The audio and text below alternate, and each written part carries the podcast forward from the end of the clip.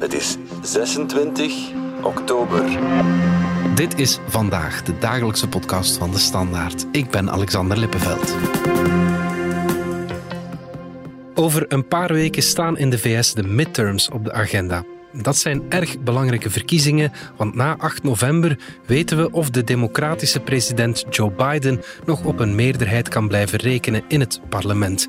Of winnen de Republikeinen en wordt de armslag van de president drastisch beperkt. Het belang van de midterms kun je aan één ding heel goed aflezen: aan de dollars die in de campagne omgaan. En dat zijn er meer dan 9 miljard. Bepaalt geld wie wint en verliest en moet er geen rem gezet worden op die uitgaven.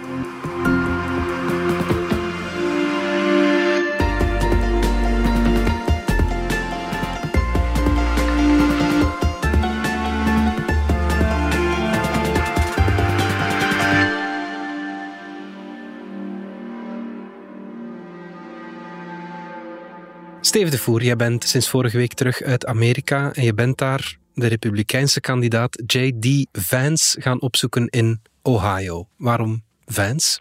Vance, omdat eigenlijk een, een, een, voorbeeld is van een beetje een aparte situatie. Hm. De Republikeinen staan duidelijk op winst, wat trouwens ook gebruikelijk is bij midtermverkiezingen. De oppositie wint daar bijna altijd. Hm. En zouden dus kunnen de macht in ieder geval in het Huis van Afgevaardigden en misschien ook in de Senaat kunnen overnemen. Zeer belangrijk allemaal. Ja. Maar dan moet je natuurlijk wel, om die macht over te nemen, is de bedoeling dat je zetels wint. Niet dat je zetels verliest. Dat is belangrijk. Ja. en, en in Ohio viel de senaatzetel open van een eh, republikeinse senator die met pensioen ging. Ja. En dus werd er eigenlijk wel een beetje verwacht dat ze, ja, aangezien de republikeinen zetels willen bijwinnen, dat ze in Ohio, waar uiteindelijk Donald Trump vorige keer nog met 8% verschil won, okay, dat, ja. dat dat een zekerheidje zou zijn en dat ze daar niet te veel moeite voor zouden moeten doen. Mm -hmm. Nu is die J.D. Vance dus de kandidaat die bij de voorverkiezingen bij de republikeinen als kandidaat uit de bus is gekomen. En iedereen dacht van oké, okay, dat komt dan wel in orde. Mm -hmm. En die is dus ondertussen eigenlijk redelijk in de mist gegaan. Ah ja, oké. Okay. Ja, ja, en het, het, interessante daarbij is dat uh, dus die Vance die had de voorverkiezingen om dus de republikeinse kandidaat aan te duiden gewonnen met uh, uitgebreide financiële steun van Peter Thiel. Mm -hmm. Dat is de oprichter van PayPal, dus zo'n miljardair uit, uh, uit Silicon Valley. Okay. Trouwens ook de vroegere baas van Vance, die voor hem nog gewerkt heeft. Dus alle geld daarvoor. Maar toen besloot die Thiel dat Vance nu toch ook wel zelf iets mocht doen en, en ook wat geld bij hem mocht sprokkelen. Thiel ging zich op andere races in andere staten uh, concentreren. Mm -hmm. En is dus eigenlijk gebleken dat die Vance dat helemaal niet kan. Hij okay, heeft ja. weinig geld binnengehaald, is uh, heel weinig te zien geweest, terwijl zijn democratische tegenstander Tim Ryan echt wel heel erg overal was. Ja. En daarom is het interessante verhaal achter Vance hoe de Republikeinse Partij dus nu opeens zijn financiële cavalerie moet inzetten, ja. dik tegen hun goesting, want ze, ze zijn slecht gezind op fans, die, die dus een, een gewone race aan het verprutsen was. Ja. En dat ze dus nu moeten overal fondsen aanspreken ja. om hem uit de penarie te komen helpen. Uh, en lukt dat dan? Volstaat het om uh, voldoende geld te investeren in vooral dus giftige advertenties op tv en op sociale media? A tale of two Tims. TV Tim Ryan pretends he's with you. I don't answer to any political party. But DC Tim Ryan votes with Biden Pelosi 100%. You've said that you don't like Nancy Pelosi, you love Nancy I Pelosi. Love, yeah, I, I do love her. DC Tim's been in Washington 20 years, supporting amnesty and opposing the border wall that would slow down illegals and drugs flooding Ohio. I'm JD Vance, and I approve this message because TV Tim is fake. But DC Tim is bad for Ohio. Het antwoord zou wel eens kunnen zijn ja, we weten dat nog niet zeker, maar het is in ieder geval zo dat sinds die financiële injectie Vance zijn verliezende positie zijn. helemaal ja, ja. aan het omdraaien is. Ja, ja, want dat is de reden waarom we dit voorbeeld aanhalen. Het belang van geld in die -hmm. midterm campagne. Hoe belangrijk is het? Schets dat eens. Ja, Geld is natuurlijk, bedoel, dit is de Verenigde Staten. Geld is altijd belangrijk geweest. Het ongelooflijk grote belang van geld voor politieke campagnes is eigenlijk vooral gestart met het televisietijdperk en, mm. en vooral met het reclametijdperk. Okay, uh, ja. Er is een periode geweest, denk aan Watergate, uh, halverwege de jaren 70, een heleboel onfrisse, corrupte zaken die daarmee aan het licht kwamen. En onder meer ook dat er echt wel onfatsoenlijk veel geld richting Richard Nixon vloeide ja. vanuit grote bedrijven en steden steenrijke mensen ja, die dat ook niet deden voor deze mooie ogen, die daar graag iets voor in ruil wilden. Ja. Dus toen is er wetgeving gekomen om daar een beetje een controle op te gaan uitoefenen. Mhm. Alleen, en nu komen we op een hele belangrijke datum in de geschiedenis van het Supreme Court. 2010, het arrest Citizens United versus Federal Election Commission. Mhm. Het Hof komt tot een zeer eigenaardige redenering. Het Hof zegt van ja, in het verleden hebben we wel geredeneerd dat te veel geld naar politici laten gaan, dat dat gevaarlijk is, dat dat ja, gaat leiden tot een soort van voor wat hoort wat, dat dat ze corrupt kan maken. Ja. Maar eigenlijk is dat niet meer nodig, zegt het Supreme Court. Mhm. Want er is tegenwoordig er is zoiets uitgevonden, ze noemen dat politieke actiecomité's, PACs of super PACs. Ja. En ja, eigenlijk kan het helemaal geen kwaad dat daar veel geld naartoe vloeit, want dat zijn die kandidaten zelf niet. Uh, en, en trouwens is het, behoort het niet tot het recht van vrije meningsuiting om geld te geven aan kandidaten van uw voorkeur.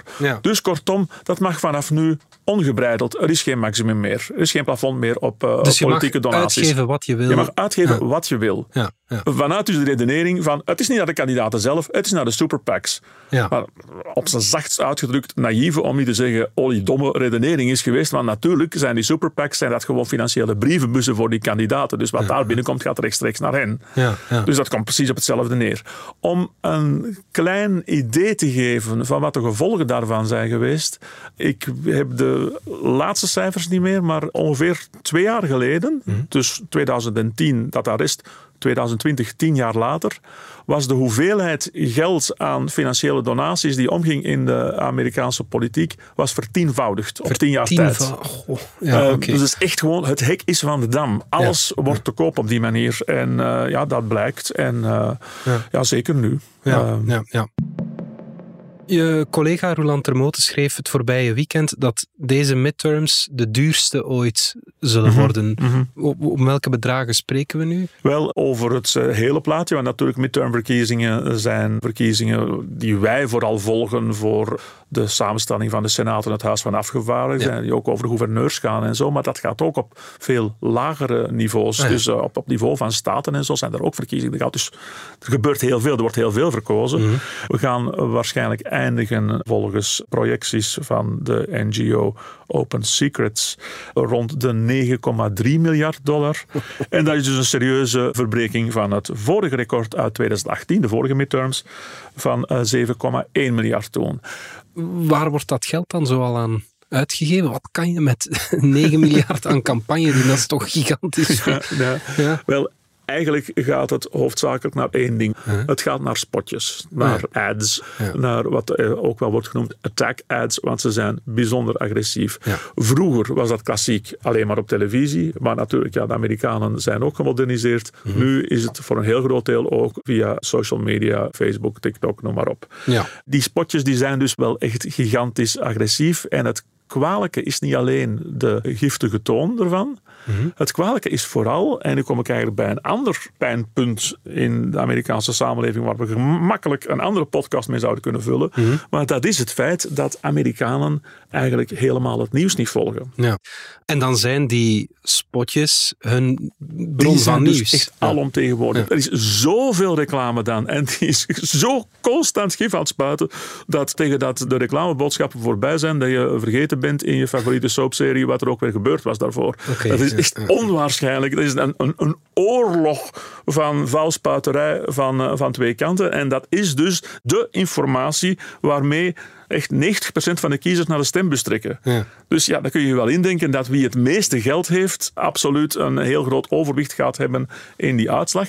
Te meer daar, ik zei al dat ze giftig waren, maar er is eigenlijk ook geen enkele serieuze controle op het feit of ze überhaupt wel waar zijn. Ja, dat is, uh, je, je, je, mag liegen, ja.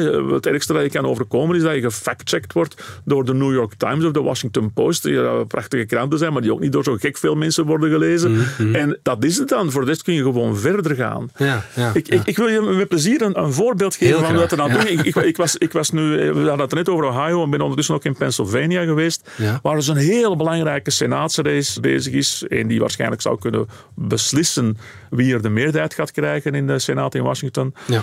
Tussen Mehmet Oz, voor de Republikeinen. Dat is een bekende tv-chirurg. Echt zo'n beroemdheid, omdat hij zo vaak bij Oprah Winfrey zat vroeger. Oh ja, ja, dus dat is de Republikeinse kandidaat. En uh, John Fetterman is een heel apart figuur. Uh, de man wordt fysiek vergeleken met Shrek. Uh, ja, maar, Geen maar, compliment. nee, maar het, is wel, het, is, het, is, het is een speciale vogel met een, met een apart soort charisma.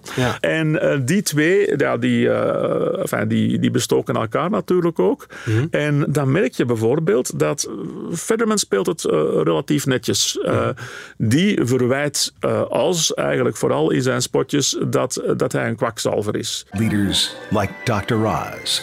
Your anus looks like your lips. to rebuild America. I have built for you, for the first time ever on our show, your own giant rectum. Dr. Oz for Senate. I'm Dr. Oz, and I approve this message. Paid for by Americans who thought this was a joke, but I guess Dr. Oz really is running for Senate. What the Maar andersom is Oz dus nu heel hard bezig met Fetterman neer te zetten als een, uh, een extreem linkse gek die vooral uh, vriendjes is met de criminelen. John Fetterman supports decriminalizing dangerous drugs like fentanyl and heroin. And Fetterman supports creating heroin injection sites in our neighborhoods. Fetterman's ideas are radical, deadly, and wrong. Giving addicts easy access to drugs is not the answer. I've worked in addiction for years. It hurts to see families broken, promising young futures cut short. I'll crack down on the cartels, fund rehab centers, and rescue as many lives as I can. I'm Dr. Oz. I approve this message. Of bijvoorbeeld ook dat Fetterman voorstelt om heroïne te legaliseren. Ja. Wat niet waar is, het is marihuana. Maar je mag dat dus gewoon zeggen en niemand kan op je vingers tikken. en dan wordt dat onder free speech verpakt Dat is free speech. Ja, ja, uh, en uh, erger dan een fact-check in een wat intellectuelere krant kan je daar eigenlijk niet mee overkomen. Ik heb dat altijd heel bizar gevonden dat je stemmen zo kan winnen en alleen daarmee met je tegenstander te, ja, belachelijk te maken. Ik, ik, ik, vraag me af waarom die inhoud volledig ontbreekt in die campagne van ik ga dit doen. Dat lijkt volledig afwezig te zijn. Het is eigenlijk redelijk verbijsterend. Ik kwam in de rij bij uh, Federman, bij een rally van hem, kwam ik een man tegen Um, zeer genuanceerde man, eigenlijk een onafhankelijke kiezer die nu wel voor de Democraten gaat. Mhm. Maar die zei: Ja, ik ga eigenlijk nooit voor de figuur, ik ga voor de inhoud. En eerlijk gezegd, wat Joe Biden de jongste maanden heeft gepresteerd, dat was toch eigenlijk wel bijzonder indrukwekkend. Biden heeft dingen gedaan deze zomer. Ja. En die man die zei dus bij, het vreemde is dat niemand het daarover heeft. En sterker nog, vandaag gelezen dat volgens de recente peiling 35% van de Amerikanen überhaupt op de hoogte zijn van de verwezenlijkingen van Biden deze zomer. 35? 35 dus twee op drie Amerikanen, Weet dus niet eens dat ze, dat ze daar gekleurde commentaar op geven, ze weten niet dat dat gebeurd is. We gaan er even uit voor reclame. Hallo, ik heb goed nieuws voor u. Want deze zaterdag kan je luisteren naar de nieuwste aflevering van onze cultuurpodcast Radar. En die zal gaan over de nieuwste film van Lucas Dont, Close. De recensies zijn lovend. Ook Jeroen Struis, onze filmrecensent, is laaiend enthousiast.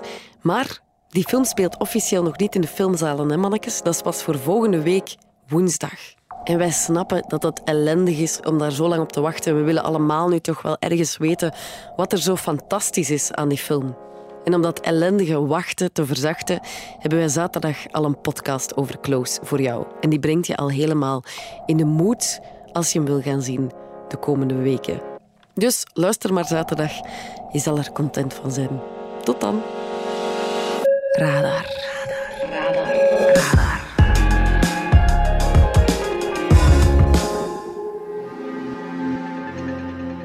Steven, terug naar eh, de reclame dan. maar andere reclame. Wie zijn nu die mensen die zoveel miljarden in die midterm-campagne stoppen? Wel, dat is niet anders nu dan de vorige jaren. Mhm. Eh, dat gaat eigenlijk voor een groot stuk om vaak families van uh, zeer, zeer uh, rijke mensen, mhm. die soms om ideologische en vaak ook gewoon om redenen van eigenbediening, ja. uh, fiscaal gesproken, daar echt wel fortuinen willen pompen in uh, ervoor te zorgen dat de juiste kandidaten in het Witte Huis of in het congres zitten, of zelfs op lagere niveaus. De mensen die Trump aan de macht hebben geholpen zijn, uh, zijn de Mercers, de, de Kochs, twee broers waarvan ondertussen één gestorven is. -hmm. Maar die zijn nog altijd volop bezig. Ja, de NRA is toch ook een, de Absoluut, National ja, Rifle ja, ja, ja, Association. zeker, zo, zeker vast, ja. De, de, NRA is een van de meest giftige van allemaal. Omdat wat de NRA doet, is dubbel. Die geven niet alleen heel veel geld waarvoor ze dus gehoorzaamheid aan de vrije verkoop van wapens eh, verwachten. Maar die bedreigen ook uh, politici dat als ze niet naar hun pijpen dansen, dat ze dan hun leden, en dat zijn er heel, heel veel, gaan opzetten tegen die politici. Dus uh, de NRA, wat die doen, is eigenlijk ronduit mafieus. Ehm, maar in de sfeer van dus de grote schenkers merk je wel een, een modernisering. Vroeger waren dat dus vooral de hefboomfondsmagnaten, Ken Griffith bij de conservatieven en dan de bekende de George Soros. Ondertussen 92 jaar, maar nog altijd de grootste donateur van allemaal. Langs de democratische zijde dan. En de nieuwste trend is, we hebben het er net al even gehad over die Peter Thiel van PayPal, maar dat zijn ja, de tech-miljardairs. die Thiel voor de conservatieven tot zeg maar hyperconservatieven. En aan de kant van de Democraten heb je Sam Bankman-Fried. Dat is een gast van maar een jaar of dertig die een uh, beurs heeft opgericht waar cryptovaluta kunnen worden omgeruild voor andere cryptovaluta of zelfs voor cash. Hmm. Dus ze bestaan langs beide kanten. Maar, dat moet ik er wel bij zeggen, hoewel dus George Soros zeer progressief en daardoor zeer gehaat aan conservatieve zijde de allergrootste donateur is, is wel zeven van de tien grootste zitten bij de, eh, langs de republikeinse zijde. Wat overigens nog niet wil zeggen dat de republikeinen dofis altijd het allermeeste geld binnenhalen. Mhm. Omdat, laten we zeggen, de republikeinse uh, specialiteit is wel geld van heel erg rijke mensen. Terwijl dat bij democraten ook dat speelt. Maar daarnaast ook wel meer een soort van grassroots campagne. Ah, waarbij de kleine lieden dus uh, ja, 50 dollar of 100 dollar sturen om te helpen. En dat is dan op zeer grootschalig doen. In Vlaanderen zeggen we dan: wiens brood men eet, diens woord men spreekt. Uh, mooi spreekwoord. Zie je dat ook dan aan de verkozen uh, politici, dat ze echt ja, in de zak zitten van uh, Dat kun je wel stellen, van die investeerders? Ja, ik bedoel, het is geen toeval natuurlijk dat... Kijk, iets waar wij altijd ons hoofd over breken, telkens opnieuw, van hoe is het mogelijk, al die slachtoffers op die schietpartijen, op die scholen en zo, en toch gebeurt er niks aan gun control. Zijn die Amerikanen dan allemaal tegen gun control? Nee. Hmm. Een overgrote meerderheid, driekwart van de Amerikanen, vinden absoluut dat er strengere wapenwetten moeten komen. Maar zo'n NRA controleert eigenlijk nog altijd wel grotendeels wat die politici doen of zeggen. En zoals ze in het Frans zeggen, un moment de honte vite passé. Mhm. Dus uh, ja, er wordt wel serieus naar pijpen gedanst. Big Pharma is ook een uh, frappant voorbeeld. En het is dus voor de duidelijkheid, de Republikeinen zijn veruit de ergste, maar de Democraten zijn ook bepaald geen kerstkinderen hierin. Ja, dat is natuurlijk geen gezonde situatie voor de democratie. Is er niemand in Amerika die denkt van hier moeten we toch uh, paal en perk aan stellen? Uh, jawel, opinieschrijvers natuurlijk. Ja. Ik bedoel, denkende mensen in de media, ja. die zeggen natuurlijk van ja, dit is een van de kwalijkste dingen die onze democratie ooit is overkomen. Ja. En op meer politiek gebied ja, gaan er stemmen op iedereen ziet wel dat dat verder en verder uit de hand loopt. En dat dat ook ja, de leugenachtigheid van de campagne eh, steeds meer bevordert. Dus dat er iets zou moeten gebeuren. Wat in principe mogelijk zou zijn, is dat uh, er via een wet in het congres het Supreme Court en dat fameuze arrest overruled wordt en dat er toch controle komt. Alleen daarmee heb je wel een voldoende grote meerderheid voor, voor nodig. Hmm. Wat de Democraten op dit ogenblik niet hebben. Ja, en als zij die op dit ogenblik niet hebben, wel eh, binnenkort krijgen we waarschijnlijk dus een republikeinse meerderheid in het Huis van Afgevaardigden, misschien ook in de Senaat. Hmm. Ja, en de republikeinen, die verdienen het meest aan, dus die zullen het wel zeker niet doen. Ja, ja, ja. Wint de rijkste eigenlijk altijd? Nee. Okay. Uh, merkwaardig genoeg niet. Want soms zou je haast van denken van wel. Het is te vaak dat je ziet dat uh, een verkiezing de ene kant op gaat en dat met een ongelooflijke injectie van geld en tv's en, en, en sociale mediaspotjes dat nog wordt omgebogen. Maar toch is het niet altijd zo. En het meest frappante voorbeeld was de presidentscampagne van, uh, van Michael Bloomberg. Uh, de laatste keren in 2020. Mike Bloomberg has never taken a dime from special interests. Because as New York's three-term mayor, he's always worked for the people's interests. He won't be accepting a single donation during this campaign. Not one. Because the only people Mike intends to owe anything to are the voters Bloomberg, dus ja, een van de rijkste mensen ter wereld, ex-burgemeester van, van New York, die is in het verleden nog republikein geweest, onafhankelijk geweest, is ondertussen democraat. Die heeft dan bij die voorverkiezingen bij de democraten in 2020 op een gegeven moment zo idioot veel geld uitgegeven dat je hem wekenlang alleen nog maar Bloomberg op tv zag. En eh, dan denk je, ja, kan het? Kun je dus echt het presidentschap kopen? En dan heeft hij echt uh, een ongelooflijke flater geslagen tijdens een televisiedebat waar hij heel hard voor uitgelachen is. En toen bleek dus toch, als je maar genoeg op je gezicht gaat, dan kun je dus blijkbaar toch het presidentschap nog niet kopen. Zelfs al heet je Michael Bloomberg. Zelfs heet je Michael Bloomberg. ja, ja, ja, ja, Oké. We zeiden het in het begin van deze podcast al. Deze midterms worden de duurste ooit met, wat was het, 9,3 miljard. Zijn ze dan zo belangrijk? Ja, de midterms zijn belangrijk, zeker nu. Om twee redenen zou ik zeggen. Ten eerste, herinner u het presidentschap van Barack Obama. Mhm. In zijn eerste twee jaar heeft hij Obamacare doorgekregen. Heeft hij ondertussen wel veel tijd en energie moeten steken in het oplossen van de financiële crisis. Maar het is nog allerlei andere plannen. Maar na die twee jaar heeft hij zijn uh, meerderheid in het congres verloren. En in het huidige giftige klimaat, waarbij dat trouwens de republikeinse senaatsleider Mitch McConnell toen gewoon zei van ik heb maar één doel, zorgen dat uh, Barack Obama een one-term president wordt. Is totale sabotage. Met als gevolg dat we nu eigenlijk zeggen in onze achterafanalyse van Obama, hoor je vaak zeggen, uh, ja, Obama kon het goed uitleggen, maar heeft uiteindelijk niet zo heel veel klaargespeeld. Ja. Daarom. Ja. De kans dat dat met Biden gebeurt als de Republikeinen minstens één en misschien zelfs twee kamers van het congres in handen krijgen, ja, dat is geen kans, dat is een zekerheid. Ja. Dus in dat opzicht hangt eigenlijk gewoon de rest van het presidentschap van Biden ervan af. Ja. Daarnaast is er nog iets dat speelt, en dat is eigenlijk nog, ja, dat, dat is ronduit griezelig. Dat is het feit dat we dus ondertussen na de, de parlementaire onderzoekscommissie naar uh, wat er eh, met 6 januari gebeurd is en zo, wel echt weten dat 6 januari alleen maar een onderdeel was van een algemene koepoging door ja. Donald Trump op basis van de zogezegd vervalste verkiezingen, uh, wat, wat, wat onzin was. Mm -hmm. Die koepoging die is toen mislukt doordat uh, gelukkig ook republikeins benoemde ambtenaren waren, zoals die fameuze Raffensperger, de secretary-general in de staat Georgia, waar Trump zelf naar belde en zei van ik wil dat jij mij 11.000 stemmen vindt die ik nodig heb.